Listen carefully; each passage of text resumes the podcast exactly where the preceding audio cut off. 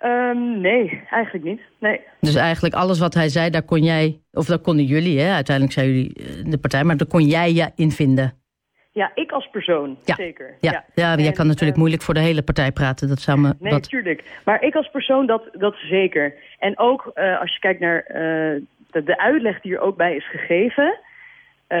dan, ja, dat snap ik volledig. En ik vind ook dat, dat je dus die vrijheid van meningsuiting mag hebben. Dus ook eh, vergelijkingen mag maken. Ja, dus jij vindt dat. mag nadenken. Ja, dus jij vond inderdaad dat Thierry Baudet, die eh, nou ja, in het nieuws kwam vanwege die, eh, nou ja, ook vrij visuele vergelijkingen. Daar, staan, daar sta jij als persoon achter. En dat is ook iets wat, nou ja, wat je zegt, wat hun visie, de landelijke visie, is ook iets wat wij meenemen naar Haarlem.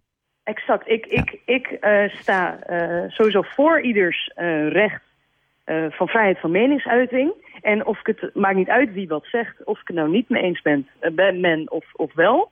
Dan zal ik altijd voor het recht blijven staan. Ja, Dat jij gewoon mag zeggen wat je vindt. Ja, maar in, en in dit geval was jij het eens met Thierry Baudet. Eh, In dit geval was ik het zeker persoonlijk eens met hem. Ja.